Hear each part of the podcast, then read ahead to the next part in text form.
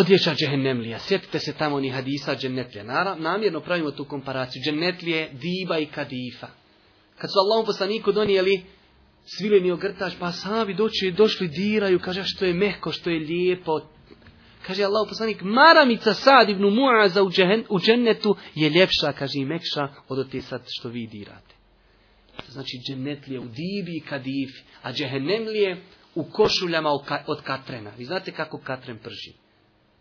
Može li šta gore biti? E njihove košulje će biti od katrena, kao što je spomenuto u kuranskom ajetu u suri Ibrahim.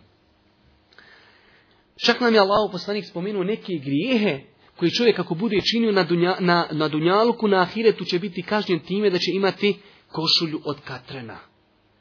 Pa kaže Allah poslanik u vjerodostojnom hadisu, četiri stvari moj umet nikada neće ostaviti. Povlačit će ih od predislamskog duga, od džahilijeta. Kaže prva stvar, fahru bil ahsab.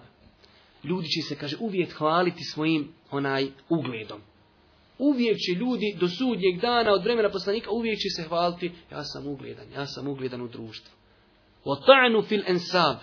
I jedni drugi će, kaže, potvarati u njihovom porijeklu. Uvijek će ljudi jedne druge ta loza nevelja, ova nevelja, ova valja, ova nevelja, kaže, i ljudi neće ostaviti nikada da će tražiti kišu od zvijezda, smatraći da zvijezde uzrokuju padanje kiše. I vidite danas svake novine, horoskop, bit će ovako, bit će onako i šta ja znam. I treća stvar kaže, moj umet neće prestati naricati za mrtvima. E kaže Allah poslanik ali salatu veselam, žene, pogotovo to je svojstveno ženama, kaj žena koja nariči za umrlim, galami, čupa kosu, čupa svoju odjeću. Kaže, ako se ne pokaje prije smrti, Allah Đelšanu će na sudnjem danu dati da ima košulju od katrena.